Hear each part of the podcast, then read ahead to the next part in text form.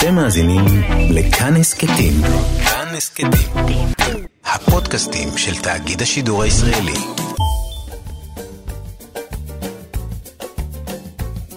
שישים החדש, עם איציק יושע.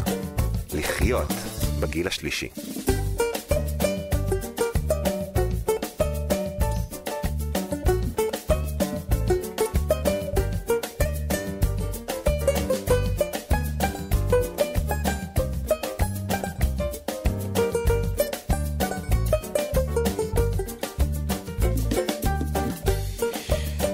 ובוקר טוב לכם, מאזינות ומאזיני כאן תרבות. אנחנו בשישי מחדש, התוכנית לגיל השלישי, היום uh, השני השבוע. עוד מעט יהיה איתנו כאן uh, שר הכלכלה אמיר uh, פרץ, שמוביל את הרפורמה שכל כך חיכינו לה, הרפורמה שתשים קץ, או לפחות תנסה מאוד לשים קץ לעושק הקשישים בישראל.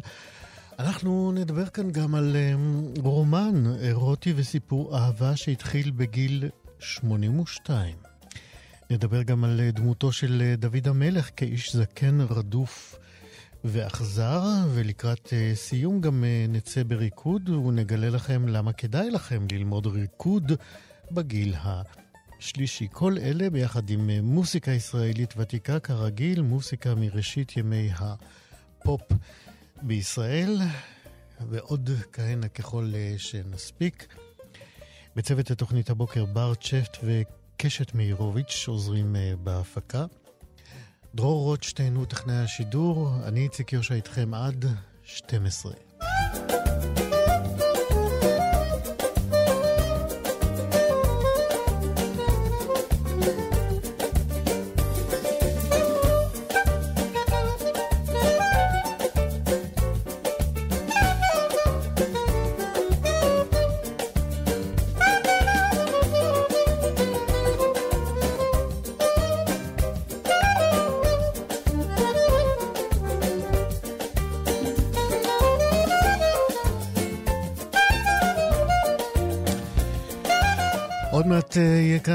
שר הכלכלה והתעשייה עמיר פרץ. אנחנו נדבר איתו על הרפורמה המקיפה שהוא יזם. הוא מוביל עכשיו אה, כנגד עושק אה, קשישים התופעה הקשה הזאת.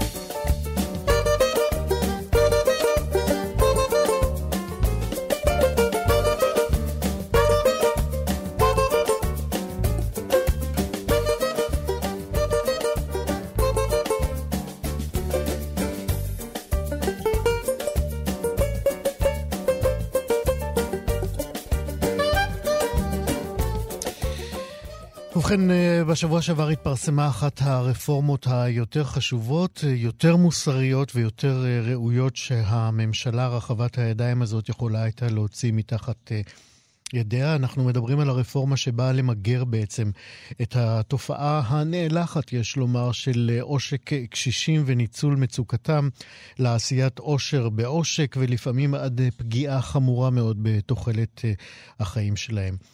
ההורים הגאים של הרפורמה הזאת הם שר הכלכלה עמיר פרץ והשרה לשוויון חברתי מירב כהן, ואנחנו אומרים עכשיו שלום לשר הכלכלה והתעשייה, עמיר פרץ. שלום וברכה, שלום וברכה. אני מאוד מאוד מברך אתכם על ההחלטה באמת להפיץ את הבשורה הזאת כדי שאנשים שאנחנו רוצים נכון. לעמוד לצידם, אז קודם כל אנחנו, ידעו. קודם כל אנחנו באמת רוצים להגיד לך שאפו וברכות על הרפורמה הזאת. אני בטוח שאתם אה, העליתם חיוך על פניהם של אה, אלפי קשישים בישראל, וגם בני המשפחות שלהם שנכנסו למצוקה בגלל התופעה ה... אה, באמת, אין לי מילה אחרת חוץ מאשר מבחילה הזאת. אני רוצה לשאול אותך, מה בעצם, אתה מרוצה מהרפורמה במתכונת שאתם הצגתם אותה? קודם כל אני רוצה לברך את השרה מירב כהן שרה פעלתנית מאוד שעסקה בנושא הזה גם לפני שהגיעה לתפקידה הנוכחי. נכון. ובאמת היא הגיעה אליי כי הנושאים נמצאים בתחום הסמכויות של המשרד שלי. אמרתי לה, אני לנושא הזה הולך איתך, לא רוצה לשמוע על, על ויכוחים של מי האשראי, להפך, אני שמח שאת באה לממש חלום שאיתו את אה, אה, הולכת הרבה מאוד שנים, ואנחנו באמת הכנו הצעת חוק שהיא הצעת חוק אה, ממש אה, אה, מגיעה כמעט לכל נקודה ונקודה, לכל מחלוקת ומחלוקת. אבל לפני כן אני רוצה לספר לך דבר מדהים. כן. אתה אף פעם לא יודע כמה העושק הזה מסתובב לידך. אנחנו בשבת, כן, יושבים בארוחת שבת, והבת זוג של הבן שלי, אומרת לי, תשמע, אמיר, אני כל כך מאושרת ממה ששמעתי. אמרתי לה, מה שמעת? שמעתי על ההצעה שלכם אה, איך להיאבק בעושק קשישים. אמרתי, למה את מאושרת? היא אומרת, סבתא שלי נעקצה. אמרתי לה, ברצינות? היא אומרת לי, כן. סבתא שלי, באו אליה, הצליחו לקחת ממנה דרך המועדון קשישים שלה את הכרטיס אשראי שלה, והיא אומרת, כל יום היא הייתה מקבלת חיובים, והיו שולחים לה כל מיני מצרכים שהיא לא רצתה ולא קנתה. פשוט מדהים איזה רשת בנו אה, כדי אה, אה, להצליח להוציא מהקשישים את מיטב כספם. עכשיו מדובר כאן על... אה, הלו? כן, אני איתך, אני פשוט נותן לך לדבר. כן. אתה לא רגיל, אה? מדובר כאן על סמכויות רבות, לא שמעתי איזה צפצוף באמצע, לא הבנתי אוקיי. למה. אנחנו נותנים לדבר בתוכנית הזאת. כל הכבוד. מדובר קודם כל על כך שהרשות להגנת הצרכן שלנו, היא תוכל אה, להטיל עיצומים על ה- אה, אותם אה, גורמים שיהיו, יימצאו כאחראים. אנחנו מיד. ניכנס לפרטים של, אה, ה, אוקיי. של הצעת החוק. כן. אני רק רוצה לשאול אותך לפני זה, מה ממדי התופעה כפי שאתם למדתם אותה, כפי שאתם מכירים אותה אה, בבואכם אה, להכין את הצעת החוק הזאת? מדובר על תופעה מאוד רחבה. מדובר על עשרות אלפי אה, קשישים שנעקצו. מדובר פה על שיטתיות, כן? תבין, עם הדוגמה שנתתי, מגיע נציג שמציג את עצמו כחברה שהולכת להביא מוצרים והטבות לקשישים, מגיע למוסדות אה, פורמליים, כמו אה, בתי אבות, כמו מועדוני קשישים, ואז ברגע, ש, ברגע שהקשיש נותן את הסכמתו, אתה מבין מה השיטה? הם מתחילים לקחת לך כסף, אחר כך שולחים לך איזה מדיח שלא הזמנת, ושולחים לך איזה, איזה, איזה אה, מערבל מזון שלא רצית בכלל, וכביכול בזה הם יוצרים לעצמם כיסוי שהם נתנו לך משהו תמורת הכסף שהם לקחו ממך. זה במקרים היותר אה, אה, מתוחכמים. יש את המקרים שפשוט לוקחים כסף, והופ, החברה שלקחה את הכסף פשוט נעלמת, נסגרת, איננה. כן. אני רוצה לשאול אותך... מה שטוב כאן באחריות הכוללת, ואתה בטח תפרט, כן. אנחנו לא משחררים את חברות האשראי כן, כן, מאחריות. אנחנו מיד נגיע לחברות האשראי. כן. אני עדיין רוצה להישאר איתך, יש לנו זמן. אני עדיין רוצה לשאול אותך באמת, מ- מ- מכל התמונה שנפרסה בפניך, מה המקרה שהכי זעזע אותך? אחד, שמעת על שולחן אה, אה, ארוחת הערב ביום שישי, אבל אה, כש- כשהנושאים אה, הונחו לפניך. כשאתה שומע על כך שמגיעים נציגים שנראים נחמדים ואין להם שום בושה לבוא לבית של ניצולי שואה, כן? אני לא רוצה להיכנס לפרטים, שמות, אבל יש לנו כל כך הרבה מקרים שנמצאים כאן אצלנו של אה, קשישים שבאמת אה, מצאו את עצמם לפתע מחוסרי כל עם אה, תביעות שהם מקבלים מאותן חברות. ואתה רואה אנשים באמת חסרי אונים שאתה רואה ניצול שואה, איך אתם לא מתביישים ללכת לניצול שואה או ניצולת שואה ולקחת ממנה את המעט כסף שיש לה להתקיים? יש פה מקרים מזעזעים ממש, אבל אה, אנחנו נשמור על כבודם של ה, אה, אותם כן. גמלאים אז בוא- בוא באמת- מגיע בוא להם באמת, אה, כן. את כל החיבוק ואת כל ההגנה. לגמרי. אז בואו באמת נלך אה, לפרטי הצעת החוק ולרפורמה הזאת. במה תתחילו? קודם כל, ברור לחלוטין שהסמכות להטיל עיצומים כספיים אה, היא תהיה סמכות שתופעל באחריות אישית על העומד בראש אותה חברה, כן? גם על מי שמחזיק במשרה ניהולית בחברה, לא רק על מי שהופיע אצל הקשישים, ואנחנו גם אה, נעשה מהלך שבו זה שסגרת את החברה לא משחרר אותך מהאחריות. זהו, כי מה שהם עושים, הם כן. פותחים חברה, הם בדיוק. עולים עליהם, הם סוגרים את החברה ופותחים לא, אחת אחרת. אז אנחנו בחוק קובעים שאתה, מספר הזהות שלך, האחריות הניהולית שלך לא משתחררת גם אחרי שסגרת את החברה. כלומר, אנחנו נוכל ללכת ולתבוע מאותו אדם שעשה את המהלך הזה, אה, גם אם הוא חושב לסגור חברה ולפתוח חברה חדשה, אנחנו אה, נגיע אליו ונפעיל נגדו את כל הסנקציות האפשריות. זאת אומרת, הסנקציות יהיו אישיות ולא כלפי החברה רק. לא רק כלפי החברה, אלא גם אישיות כלפי מי שעומד בראש החברה וכל מי שנושא במשרה ניהולית כלשהי. גם מנהל החשבונות יוכל למצוא את עצמו מחר נצבע, ואז תהיה זהירות מאוד גדולה מצד כל, כל מי שנמצא בחברה, עובד בחברה. דבר שני, אנחנו נודיע מיד לחברות האשראי להפסיק את הסליקה, כן? לעסק שהוגדר כעושק קשישים. כלומר, אתה, העסק שלך יכול להינזק בצורה דרמטית, כי אתה לפתע תמצא את עצמך שכל חברות האשראי לא יסכימו לנהל איתך שום אה, אה, עסקאות משום סוג שהוא. כלומר, אנחנו נטיל סנקציות שהן גם אה, פוגעות לא רק ב, ב, ב, בנזק שעשית לאותו קשיש אישית, אלא גם ביכולת שלך לתפקד בכלל, גם אם אתה איש נדל"ן ויש לך, אה, לך עסקי נדל"ן, בגלל שעסקת בעושק קשישים, אתה תמצא את עצמך במצב שאתה לא יכול בכלל להשתמש בכרטיסי אשראי. ודבר אחר... אה, אתם דיברתם עם אה, חברות האשראי לפני שהגשתם את הצעות החוק? כן, ודאי. מה, מה הייתה הגישה שלהם? הם, הם, הם נרתמו מיד או שהם ניסו להתחמק? תראה, זה גם חברות האשראי, זה גם תיאום עם בנק ישראל, זה תיאום עם כל הגורמים, זה לא דבר שיכול לעשות את זה בלי מתאם עם כל הגורמים. וכמובן כולם באו בגישה מאוד חיובית, כולם חושבים שזה כתם על מצחה של מדינת ישראל, התופעה הזאת של עושק קשישים, ובהחלט האווירה היא אווירה שכולם רוצים להירתם כדי לסייע. ואנחנו סגרנו את זה עם כל הגורמים הפיננסיים, כמו שאמרתי, לרבות בנק ישראל. ואני מאוד מקווה שאכן הדבר הזה יוכיח את עצמו. הדבר הנוסף שחשוב להדגיש, כן. זה שהפיצויים, שה, הפיצויים הם צריכים להיות משולמים מבלי שיהיה דיון בהוכחת הנזק. די בכך שאנחנו מחליטים שהנזק נגרם. רשות להגנת הצרכן תהיה לה סמכות לתפוס את כל חומרי המחשב של החברות העושקות לצורכי חקירה ומיד להטיל את הסנקציות ואת העיצומים ולחלץ את הכספים שיש בידיהם ולשלם לקשיש מבלי שהקשיש יצטרך להוכיח אה, את הנזק, ודאי שהוא מצהיר על מה שעשו לו, אנחנו כבר נוכל לפצות אותו כאשר נתפוס את, אותו, את אותה אה, חברה עם כל החשבונות שלה. ומי הממונה על האכיפה של הסנקציה הזאת? יש לנו את הרשות לסחר הוגן, את הרשות להגנת הצרכן כאן במשרד הכלכלה. כמובן שאנחנו עכשיו בדיון ומשא ומתן עם האוצר להגדיל את היקף העובדים שיעסקו בזה. אנחנו חושבים שצריך פה לגייס אנשים שמתמחים בנושאים האלה, שיש להם סמכויות חקירה, כי אתה מקבל פה סמכויות גדולות מאוד. כל עובד שיעבוד בתחום הזה, יש לו סמכות אה, להגיש, אה, גם לבצע חקירה וגם להגיש, אה, גם לבצע עיצומים כספיים, אבל גם הוא יכול להגיש תביעה של, של הליך הוצאה לפועל, כולל הליכים פליליים.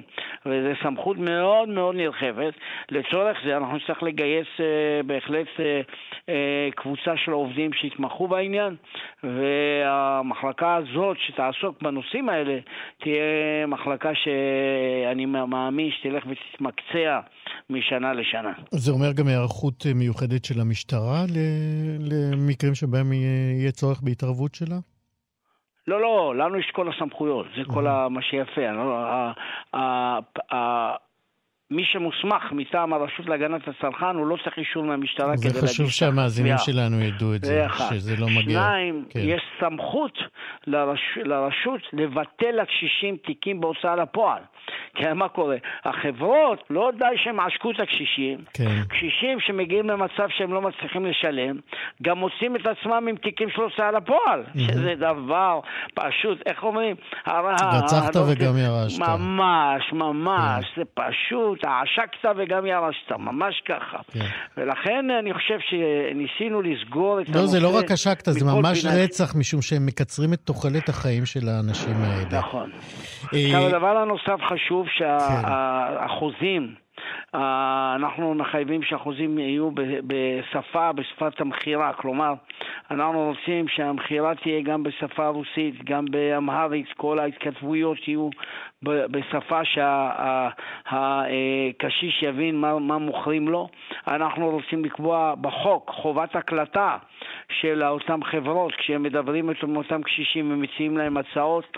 אנחנו רוצים להקים מאגר ממשלתי של אה, רישום של אה, גמלאים וקשישים שיגידו שהם לא רוצים שיתקשרו אליו. מאגר שנקרא אל תתקשרו אליי ואסור לשום חברה להתקשר לאותו מאגר, מי שיחליט שהוא נמצא שם. אה, בנוסף לכך, המשרד לשוויון חברתי כן. יקים באמת מוקד נוסף של פניות צרכניות של עושק קשישים, מטה המאבק בעושק הקשישים, במשרד של מירב כהן, בשיתוף פעולה עם, אה, עם אה, משרד הכלכלה, בגיוס של סטודנטים במלגות מיוחדות כדי ללוות את אותם קשישים שנעקצו ונפגעו בתהליכים האלה. מה לוח הזמנים להגשת הצעת החוק והרפורמה הזאת? אנחנו רוצים אה, אה, כבר ביום ראשון הקרוב להגיש את זה לממשלה בהצעת מחליטים. אנחנו עדיין בדיונים מול האוצר, איך מסדרים את כל ענייני התקציבים. אה, אנחנו מקווים להתגבר על זה עד יום רביעי, היום שמגישים את ההצעה, אבל יש בהחלט הסכמה ותמיכה נרחבת של כל הגורמים, ואני מקווה שנתגבר על כל השאלות הטכניות ונצא לדרך. השר עמיר פרץ, שר הכלכלה, אני שוב רוצה לברך אותך ואת השרה מירב כהן על המפעל המפואר הזה. הוא מאוד מאוד מקווה יחד עם מאות אלפי, אני חושב מיליוני אזרחים בישראל, שרוצים לראות את התופעה הזאת נעלמת מהציבוריות שלנו. לסיום, שר הכלכלה... זה קו חברתי, כלכלי ומוסרי למדינת ישראל. לגמרי. שר הכלכלה עמיר פרץ, אני רוצה לשאול אותך לסיום, אתה רוצה להיות נשיא המדינה? תשמע, אני עוסק היום ב, בכל מה שכולנו מבוקר עד ערב, אנחנו עוסקים בלייצר מקומות עבודה. לא, זה אנחנו יודעים, אני שואל, אני שואל אם אתה רוצה להיות... הענקת זה, מודל, זה ברור, אני שואל אם אתה רוצה להיות נשיא המדינה. תשמע, זה אחד מהמקומות שבהם אתה יכול לתרום לאיחוד העם, ואין ספק שנשיא המדינה שלנו עושה עבודה מצוינת, אנחנו נאחל לו... באמת אה, המשך הצלחה בעבודתו. כן, יש לנו בחירות, אבל בעוד פחות משנה, אתה יודע. כל דבר בעיתו, כל דבר בזמן הראוי, אין בכלל ספק שזה אתגר עצום אה, להיות בימים האלה של שסעים ופילוגים בתוך החברה הישראלית, בהחלט אתגר עצום לבוא ולהיות הגורם שמאחה ומרגיע. בתוך שלל השסעים שקיימים במדינת ישראל, אבל היום אני עסוק באמת מבוקר עד ערב בנושאים הכלכליים, ואני מאחל לנשיא שלנו הרבה הצלחה. שר הכלכלה והתעשייה, עמיר פרץ, תודה רבה על הכל. תודה לכם, תודה להתראות. לכם, הכל טוב, תודה. 60 החדש. הסופרת יפה פייגן רייך, היא תוכיח לנו עוד מעט שהאהבה לא מתה בגיל 80, אלא אפילו עולה כפורחת, ולא רק עולה כפורחת, היא גם מגיעה מהמקום הכי בלתי צפוי, ואפילו יכולה להיות סוערת ומסעירה, כמו בגיל 16. שוש, אהבה מאוחרת, לא מכוערת בכלל, אהבה מאוחרת הוא ספרה השני של אה, יפה פייגין רייך, והוא אומנם אה, בדיה ספרותית, אבל נשען אה, לגמרי על האירועים המפתיעים שעברה יפה. בנובמבר הקרוב יפה תהיה בת 84. בעלה נפטר לפני ארבע שנים, ובתוך חודשים אחדים יפה מצאה את עצמה בתוך רומן סוער עם חבר אה, ותיק של בעלה המנוח. זה ככה בתמצית הסיפור. שלום יפה פייגן רייך. שלום, בוקר טוב. מה שלומך? כן, עוד מעט צהריים. מצוין, כן. אז קצת באיחור, ברכות מאוד על הספר הזה. תודה רבה. נספר עוד למאזינים שלנו שאת היית נשואה בעצם 45 שנים לגרישה בעלך. לגרישה פייגין, כן. ומן הסתם המוות שלו היה שבר מאוד גדול. את חשבת שתתאוששי כל כך מהר? לא חשבתי על זה, זה... למרות שזה לא היה מוות פתאומי, הוא היה מאוד חולה ותשוש, ובכל אופן נכנסתי לאיזשהו משבר, והייתי בקשר עם חברים שלו, אחד מהם מהרפובליקה הדומיניקנית, והוא סיפר לי על חבר משותף של בעלי שמתגורר בניו יורק וגם התאלמן לפני שנה. חבר שלא הכרת. לא, אני לא הכרתי אותו. והוא קישר, זאת אומרת, השארתי את הטלפון שלי, הוא קישר בינינו. יום אחד הוא התקשר, ו... מותר להגיד את שמו? תראה, בספר שמו מייק זיו. אז נקרא לו מייק זיו. נקרא לו מייק זיו. למעשה קוראים לו דוד, אבל אני לא רוצה... בסדר. כן. אז דוד התקשר, ו... התקשר, הייתי בדיוק בסופר פארם, והתיישבתי כשהוא התקשר, וברגע ששמעתי את הקול שלו, כזה קול צרוד, מאוד גברי, זה עשה לי משהו, אני פתאום הרגשתי פרפרים בבטן ואני לא יכולתי להסביר למה. התאהבת בקול שלו מיד. מיד, כן, הרגשתי שזה משהו לא מהעולם הזה. עכשיו, בעלי, גרישה פייגין היה פעיל עלייה די מוכר, נכון. כשהוא הגיע ארצה, היה רעש גדול ומאמרים בעיתונות. Mm-hmm. הסתובבנו בכל מיני קיבוצים, הרצאות, ו... גם את היית נהרתי... מפורסמת במידה מסוימת, את היית סגנית מלכת היופי. כן, אני ילידת חיפה ב-1957. העיר של מלכות היופי. העיר של מלכות היופי. הייתי סגנית שנייה של ישראל. באיזה שנה? ב-57, 1957, mm-hmm. ובעת ובעונה אחת הייתי גם בטירונות באותה תקופה. אה. שירתתי אז בחיל האוויר אחר כך, ובשנת 60 נסעתי לפריס, הייתי שם שבע שנים, ועבדתי במוסדות ישראלים עם ביקורי מולדת וכולי. אז הגיע אה, מייק אה, דוד, אה, אחרי כמה זמן נפגשתם כאן בארץ? זאת אומרת, הוא היה אמור להגיע עם הבנים שלו והנכדים למעין ביקור שורשים בערך בחודש אפריל של 2018, ומשום מה אני חטפתי שפעת ובסוף לא פגשתי אותו. אז התחלנו בעצם היכרות כזאת אינטרנטית עם מיילים וסקייפ, ותוך כדי הייתה איזושהי התאהבות לא פיזית כמובן. ואז הוא החליט להגיע בדצמבר 2018 במיוחד לפגוש אותי. ואז הוא הגיע לשבועיים, היינו במלונות דן בתל אביב, חיפה וירושלים עם כל מיני תוכניות, הבימה וכולי, וחיכיתי לו בשדה התעופה כשהוא הגיע. Mm-hmm. מיד התחבקנו, התנשקנו, בכינו בעיקר. ונסענו ל... ואותה התאהבות שהייתה לך בקול שלו רק התגברה ברגע שגם נפגשתם פיזית. אבל עד שנפגשנו פיזית דיברנו כל יום. Mm-hmm. הוא התקשר אליי כל יום בשמונה בבוקר שלו, שזה היה שלוש בצהריים אה, אחר הצהריים אצלי. ודיברנו כל יום איזה חצי שעה או משהו כזה.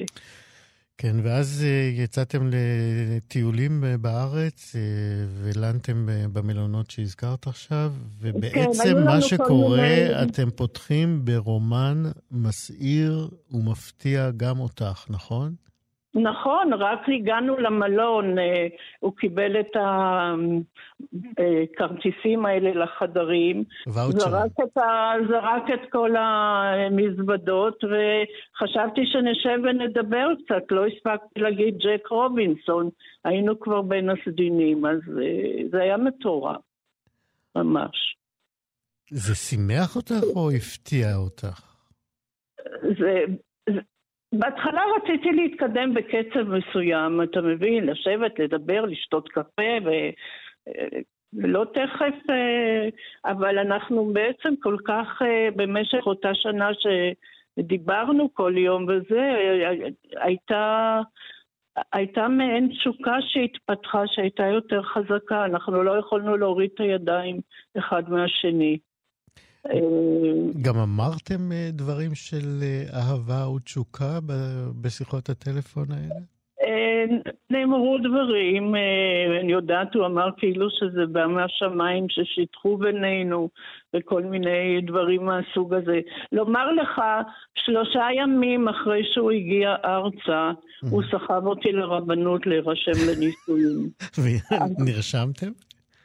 נרשמנו, אנחנו עדיין רשומים, למרות שנפרדנו. אני לא יודעת מה התהליך אה, כן. כדי לצאת מזה. אבל לא כן. רציתי, העניין הוא, תראה, נורא אהבתי אותו, אבל לא רציתי להתחתן, ואמרתי, רגע, אני צריכה לנסוע לניו יורק, לראות איך אנחנו חיים, איך אנחנו מסתדרים. ואחר כך התברר שחוץ מאשר אה, בין הסדינים, שהסתדרנו נהדר, בדברים אחרים זה בכלל לא הלך. הוא למשל רץ במדרגות כמו ילד קטן בבית שלו, כן. ואני עולה מדרגה, מדרגה. הקצב היה שונה, דברים כבר הסתדרו כל כך. אני רוצה להישאר, אני אמרתי בפתיח אה, של הדברים שלי שהרומן שלך הוא סוער אה, ומסעיר. את אה, שם די מעיזה בתיאורים האירוטיים של המפגשים ביניכם. אני לא רוצה להיכנס עכשיו לכל התיאורים, אבל אה, כן. כשחשבת את זה, כשכתבת את זה, אה, רצית מה, ל... ל, ל לעשות פרובוקציה, או... חס וחלילה, חס אוקיי. וחלילה. אני הייתי מאוד אמיתית, אני חושבת שלמרות התיאורים, הספר הוא לא המוני או וולגרי, יש פה גם כן חשיבה עמוקה וכל מיני אירועים שקשורים למה שהתרחש.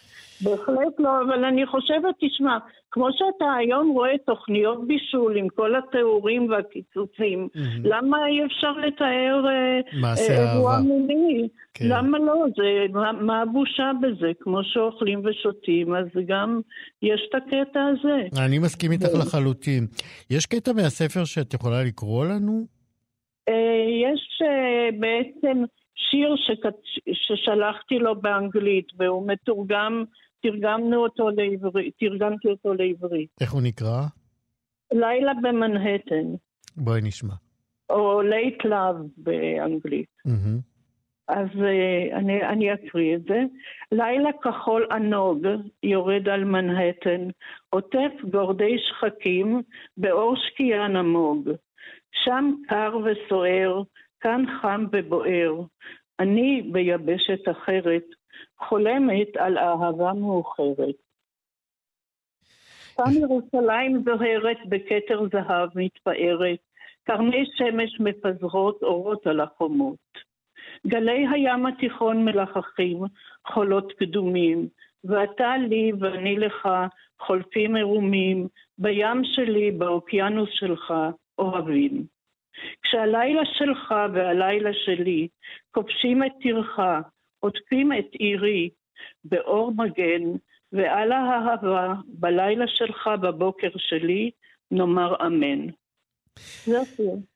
איזה יופי, יפה פייגין אה, רייך אה, בשיר אה, אהבה לדוד, מייק זיו, גיבור הספר שלך, שוש, אהבה מאוחרת, והנה את הוכחת לנו שאפשר לאהוב ולהיות מלאי תשוקה גם אחרי גיל 80, ועוד מעט את בת 84, נכון?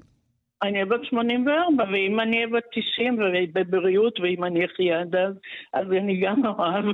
אגב, מה שלום... אני עדיין אוהבת אותו. אני בטוח. הוא קרא את הספר? אה, הוא קורא אותו עכשיו, הוא קיבל את הספר והוא יודע קצת עברית. אז הוא קורא אותו, ויש גם תרגום אנגלית, אז הוא קורא גם את האנגלית. אז הוא שמח במה שכתבת. אה, כן, תשמע, אני, זה, זה נורא חשוב לאהוב, למרות כל מיני דברים ש, שלא לא מצאו חן בעיניי. אבל תראה, פעם רבתי עם קופאיות בסופר, עכשיו שאני אוהבת אותו, אני, אני מרגישה נהדר, וכאילו היקום מחייך אליי. נפלא. ואני חושבת שאסור לוותר על חלומות. בטח לא על אהבה. בכל גיל אפשר לאהוב. זאת נימה נהדרת לסיים בה את השיחה הקסומה הזאת. יפה פייגין רייך, תודה רבה ובהצלחה גם בספרים הבאים. תודה רבה. להתראות. תודה רבה לכם. ביי להתראות. השיחה הבאה שלנו, תקופת אה, מלכותו של אה, דוד המלך הייתה מלאת תהפוכות ופרשות אה, מסעירות מהמון בחינות, גם פוליטיות, כלכליות, מוסריות, דתיות, ו... ברומן חדש שנקרא נשר המדבר, מתאר הסופר נחי זלצמן את דמותו הטראגית דווקא של יואב בן צרויה, שהיה אחיינו, אה, איש סודו של דוד המלך וגם אה, שר הצבא שלו. אה, דוד המלך בערוב ימיו, כמו בצעירותו, הוא ממשיך במעשים בלתי מוסריים, מושחתים, בוגדניים ואפילו אכזריים, ככל שאנחנו מכירים אותם מהסיפורים בתנ"ך. ועלילת הספר שלפנינו, הולכת אמנם בעקבות אה, הסיפור התנ"כי, אבל היא כמובן שזורה אה, בעולמו מעורר המון מחשבה של הסופר. שלום נחי זלצמן. שלום לך ושלום למאזינים. קודם כל, המון ברכות, זה רומן ביקורים שלך. נכון, תודה רבה. על עוד דבר. תגיד, למה בחרת ביואב בן צרויה? האמת היא שהכל התחיל באיזשהו קורס שלמדתי באוניברסיטת בר אילן, בבר אילן יש קורסי חובה, ואחד מהם היה קורס דמותו, המלך, אה, דמותו של המלך בתנ"ך. ובקורס הזה הציגו את דוד בסוף ימיו כשקול, כצלול, וזה הביא אותי למחשבות לגבי הצוואה שהוא נתן לבנו שלמה לגבי יואב בן צרויה. ומה הייתה הצוואה? הייתה, הצבא הייתה, הוא לא אמר לו במפורש להרוג אותו, אבל הוא אמר לו, אל תוריד את uh, שיבתו בשלום. זאת אומרת, זה... רמז לו, כדאי שתיפטר ממנו איכשהו. זאת אומרת, מורשת רצחנית, כבר... כן, אז אני הטלתי דווקא ספק ב... בצוואה הזאת של שלמה, אם באמת היא הייתה, או ששלמה ציטט משהו שלא היה. כי הנימוק שהשתמש אה, דוד היה אה, הרצח או ההריגה של אבנר בן נר והמסע ולא של אבשלום, לדוגמה. כן, זאת אומרת חשבונות ישנים שהיו להם. אה, חשבונות ישנים שהיו לו עם שני אנשים שלא, בוא נגיד, לא היו אהובים עליו במיוחד. לעומת uh, כל היחסים שהיו לו עם יואב בן צרויה, מראשית אה, הבריחה שלו משאול ובעצם אה, עד יום מותו. אז אה, זה גרם לי לחשוב שאולי איזה יום אחד אני אשב ואני אכתוב ספר והדמות המרכזית תהיה יואב בן צרויה, אני אעשה איתו איזשהו צדק כלשהו. צדק היסטורי. אז למה, למה לדעתך, ואיך אתה כ, כשופט צדק אה, בין ימינו אה, על דמותו של יואב, איך אה, גרמת לדמותו להיות חיובית יותר, או לפחות מקבלת את מה שמגיע לה יותר ממה שנמסר לנו בסיפורי התנ"ך? אתה רואה שההתנהגות של יואב היא עקבית מאוד לאורך כל הדרך.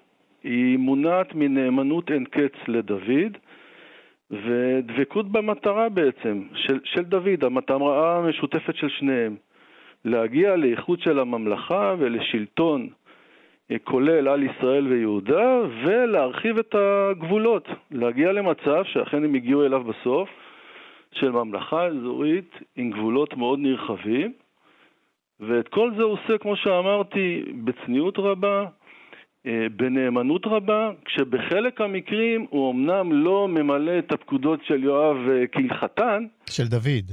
סליחה, של דוד, כן, הוא לא ממלא אותם בדיוק, אבל המטרה שלו וגם התוצאה שקורית בסוף זה בדיוק משרת את דוד. כן, אנחנו אה, לא נעשה ספוילר למאזין, למאזינים שלנו, אבל אה, אה, אנחנו אמרנו, ואתה מתאר אותו גם כן כ, כאיש הקרוב לדוד, כן. איש, איש סודו. כן. זה אומר שהוא היה קרוב אליו גם בכל אותם אירועים שאנחנו כן מכירים מסיפורי התנ"ך, אירועים די מזעזעים על התנהגותו של המלך דוד, למשל בסיפור בת שבע. כן. אה, הוא חיזר אחריה, אנחנו מכירים את הסיפור, אה, ושלח את בעלה להרג אה, במלחמה על מנת שהוא יוכל להיות איתה. הוא גם, אתה מספר שהוא, כאשר נודע לדוד שבעצם היא בהיריון, הוא, הוא, הוא מנסה לעשות איזה טריק כדי כן. שיחשב כאילו לא הוא אבי היילוד. כן. ספר קצת, אה, איפה המקום של יואב, יואב בן צרויה כפי שאתה הגית אז, אותו? אז זו, זו דוגמה טובה. אה, יואב בעצם לא ידע בדיוק על כל מעלליו של אה, דוד, שדרך אגב צריך לשפוט אותה ברוח התקופה, לא בתקופה כן, שלנו. זה, זה כן. תמיד ההנחה שעושים. כן. אני לא יודע, המוסר הזה היה תקף גם אז, לקחת אש איתי, שאני חושב שזה כבר לא, כתוב לא, בעשרת לא, הדיברות. לא, הוא גם קיבל על הראש מנתן הנביא על המהלך נכון, הזה. הוא קיבל כן. על הראש, כן. אבל בכל זאת, אתה יודע, זו התקופה. אה, יואב במקרה הזה לא ידע אה, לחלוטין מה התרחש בארמון המלך, מה קרה לדוד עם בת שבע, שהיה ביניהם רומן וכולי. הוא קיבל בעצם איגרת מאוריה, אוריה היה שליח, שהביא לו את האיגרת שבה דוד מורה לו אה, בעצם להוציא להורג את אוריה, לנטוש אותו בשדה הקרב. אה, בסיפור שלי, כמובן, שהוא לא ממש כתוב בתנ"ך, יואב מנסה לתחקר את אוריה, מה, מה הנסיבות, אבל כשהוא לא מבין מה, כנאמן לדוד, במאה אחוז, הוא מחליט לבצע את ההוראה, אבל כפי שיואב עושה. לא בדיוק כפי שדוד הורה לו, אלא הוא שולח בעצם את אוריה למשימה אה, שהיא בעצם משימה בלתי אפשרית. משימה בלתי אפשרית שהוא בעצם לא, י... לא ינטש בקרב כמו איזה בוגד, אלא ימות תוך כדי קרב. אני רוצה שנשאר בעוד אירוע שמלמד על כך שדוד אה, גם בערוב ימיו אה, היה נקמן ואכזר. הסיפור עם מיכל, בת שאול שהייתה אשתו. כן. אה, שנישאה לפלטיאל והוא כפה עליה ניתוק ממנו. איפה היה באמת יואב שלך, אה, נחי זלצמן, אה, אה, בחלק הזה? קודם כל, למה הוא עשה את זה? למה דוד עשה את זה? אפשר, תראה, יש הרבה מאוד פרשנויות, אבל אני אצמד למה שאני חושב. אני חושב שבעצם זה נבע משתי סיבות. אחת, זה, זה היה איזשהו מהלך פוליטי להחליש את, את אחיה, שהיה אז מלך על ישראל איש בושת. והסיבה השנייה, הוא אולי רצה שיהיה להם אה, צאצא משותף, שיהיה איזשהו יורש שהוא גם הבן של דוד וגם, אה, סליחה, גם הנכד של דוד נכון. וגם הנכד של שאול, אז זה סוג של השערה. והסיבה השלישית שאתה יודע, קיימת עד היום כנראה אולי קנאה, אולי הוא קנאה בזה שהיא נמצאת עם גבר אחר.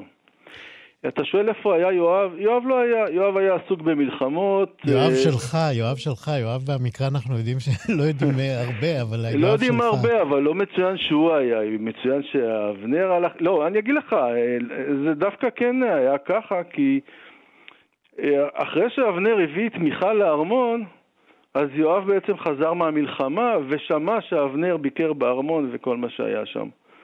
אז הוא בעצם לא היה באותה נקודה. נחי זלצמן, אנחנו יכולנו לדבר עוד uh, רגעים ארוכים על דמותו של יואב ועל דמותו של דוד המלך ושל השניים הקרובים האלה, אבל אנחנו נזמין את המאזינים שלנו לקרוא בספר שלך, נשר המדבר, uh, רומן uh, ביקורים שלך, רומן מקראי. באיזה הוצאה זה יצא? הוצאת ניב. ניב, כן. כן. עורכת עופרה גלברט. נכון. נחי זלצמן, תודה רבה ובהצלחה.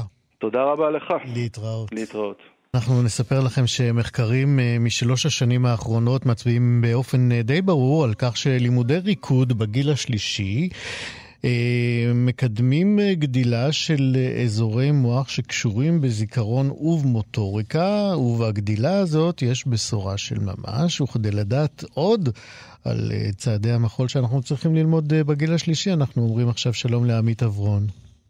בוקר טוב. אתה מרצה לפסיכולוגיה באוניברסיטה הפתוחה וגם מומחה לקשר שבין מוסיקה למוח. נכון מאוד, כן. אז תגיד לנו, למה, למה זה נהדר להתחיל ללמוד לרקוד בגיל מאוחר? אז קודם כל, אה, איך שלמה ארצי אמר בשיר, אני לא בנוי לשיעור מחול. אז זהו, אה, שאתה כולן, כן בנוי, אנחנו כן בנויים. כולנו בנויים מלידה לתנועה. אוקיי. ואנחנו רואים כבר מגיל צעיר מאוד שתינוקות זזים לפי הקצב. אין אדם שלא מגיב בתנועות מוטוריות לקצב, ולכן הריקוד הוא פעולה ספונטנית ומובנת מאליה לגוף. אפשר להתחיל בכל גיל. אז למה אנחנו שם. מאבדים את זה במעלה השנים?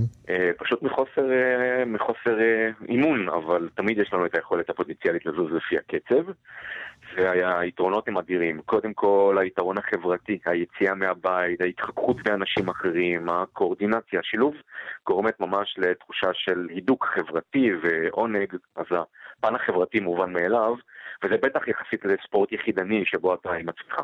זה הצד החברתי. בנוסף לזה יש לנו כאן את הצד המוטורי, או יותר נכון אפילו הייתי אומר סנסורי מוטורי, חושי תנועתי. כי בריקוד אתה לא סתם זז, אלא אתה זז בהתאם ל, אה, לזירת הריקוד, בהתאם לתנועות של האנשים האחרים, בהתאם לאינפוט מחוש הראייה וחוש השמיעה של המוזיקה. אז השילוב של החושים, ראייה, שמיעה, שיווי משקל, יחד עם היכולת המוטורית, מוטוריקה גסה, מוטוריקה עדינה, היא בהחלט מפעילה את המוח ורואים ממש סמים אה, רקדנים בתוך FMRI, רואים שבאמת כל האזורים במוח פעילים, גם חושיים, גם תנועתיים. והכי מעניין הוא שגם בגיל מבוגר אה, ההשפעות האלה הן אה, מרחיקות לכת, ונעשה מחקר בגרמניה לפני כשנתיים, שבו הקצו אנשים בגיל השלישי, גיל ממוצע 70 ומשהו, כן. לשתי קבוצות. קבוצה אחת אה, עשתה פעילות גופנית רגילה, חדר כושר, הליכה, במשך שנה וחצי, וקבוצת ריקוד במשך שנה וחצי. חשוב להדגיש שקבוצת הריקוד לא סתם רקדה באופן ספונטני, אלא לפי קוריאוגרפיה שהשתנתה מדי שבועיים. כלומר, היה כאן עניין של למידה וזיכרון. וכבר כעבור חצי שנה, קבוצת הריקוד התבלטה יחסית לקבוצת הספורט, ראו הפרשה של חומר שנקרא BDNF, חומר שמעיד על צמיחת נוירונים חדשים במוח. שזה לא, זה במוח. משהו שלא ידעו שקורה בגיל מאוחר? או ידעו אה, שזה לא, לא קורה? לא חשבו, מכיוון שהתפיסה באמת ששלטה, רווחה במשך שנים היא של מוח קשיח, ושחלון ההזדמנויות ללמידה ושינוי הוא בגילאים צעירים, ושבאמת המוח הקשיש או המבוגר הולך כלפי מטה באופן כללי ביכולות שלו. וההפתעה הייתה שה-BDNF הזה, החומר שמראה על צמיחת נוירונים, הופרש גם אצל אנשים בני 70 ברמה גבוהה מאוד, והכי מעניין הוא שכעבור שנה וחצי גם ראו שינויים פיזיים במוח עצמו, גדילה של אזור שאנחנו קוראים לו היפוקמפוס, שהוא האזור שמאפשר גיבוש זיכרון. הוא האזור שמאפשר לנו ללמוד, לזכור דברים, אזור הזיכרון במוח בעצם. והשינויים היו הרבה יותר דרמטיים בקבוצת הריקוד, יחסית לקבוצת הספורט. זאת אומרת, אה, זה לא רק הפעילות הגופנית עצמה שקשורה בריקוד, אלא גם האלמנט הלמידתי. זאת אומרת שלומדים נכון. עוד משהו תוך כדי הפעילות הגופנית הזאת. ולא מפסיקים ללמוד, כי כל שבועיים משתנה כאוריגרפיה, יש כאן עניין של למידה אה, תוך כדי חיקוי ועבודה עצמית בבית. זה היה מאוד אינטנסיבי, אגב, האנשים האלה רקדו פעמיים או שלוש בשבוע. מה, מה עוד אה, למדו מזה לגבי אה, יכולות אה, מוקדמות יותר? זאת אומרת, האם אה, אה, אה, התוצאות של המחקר הזה אה, הפכו אה, לחומר אה, עבודה, נגיד, לגילים מוקדמים יותר? זאת אומרת, אה, ל, ל, אה, אה, להקטים את הפעילות הזאת כדי אה, למנוע, נגיד, מצבים של הידרדרות, או שאין לזה קשר? אה, עדיין אני לא חושב שזה משולב בתוכניות כאלה של מניעת האלצהיימר. אבל יש מחקרים על רקדנים צעירים יותר, רקדנים אה, מקצוענים, ורואים שהמוח שלהם ממש שונה מאנשים בני גילם שהם לא רקדנים.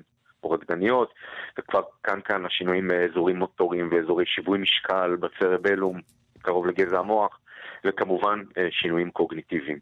אז אה, כן, של לרקוד כדי לשפר את המוח. הפעילות הזאת היא רב-תחומית, רב-חושית, ויותר טובה מסתם ספורט. זה ספורט פלוס האלמנט הקוגניטיבי, פלוס האלמנט החברתי. כן, אמרת שבאמת ההפרשות של החומר הזה, שאני לא אחזור על שמו הארוך עכשיו, כן.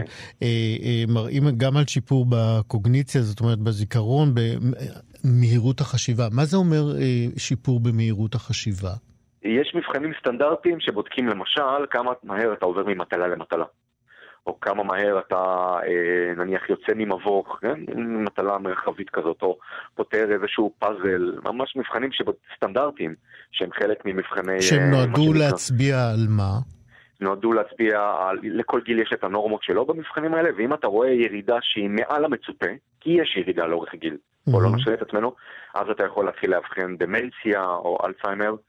למעשה, אבחון דמנציה או אלצהיימר לא נעשה על פי הדמיה מוחית, כמו MRI, אלא לפי ירידה מעל הצפוי במבחנים קוגניטיביים שכאלו. כן, אז אמרנו אה, גם ריקוד, זאת אומרת גם פעילות גופנית, גם אה, אה, למידה של משהו חדש, ומכיוון שאתה מומחה, מומחה גם לקשר של המוסיקה, כן.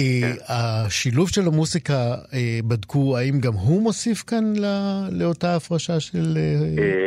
במחקרים האלו לא בודדו את האלמנט המוזיקלי, אבל ידוע... הנה, יש לך אתגר כמי כן. שמתמחה בתחום. לא, זה די מובן מאליו ששמיעת מוזיקה מהנגד אה, מפרישה חומרים כימיים במוח, כמו דופמין, שהוא כימיקל של עונג והנאה, ואולי הכי חשוב, אנדורפינים, משככי כאבים טבעיים שמופרשים מגזע המוח.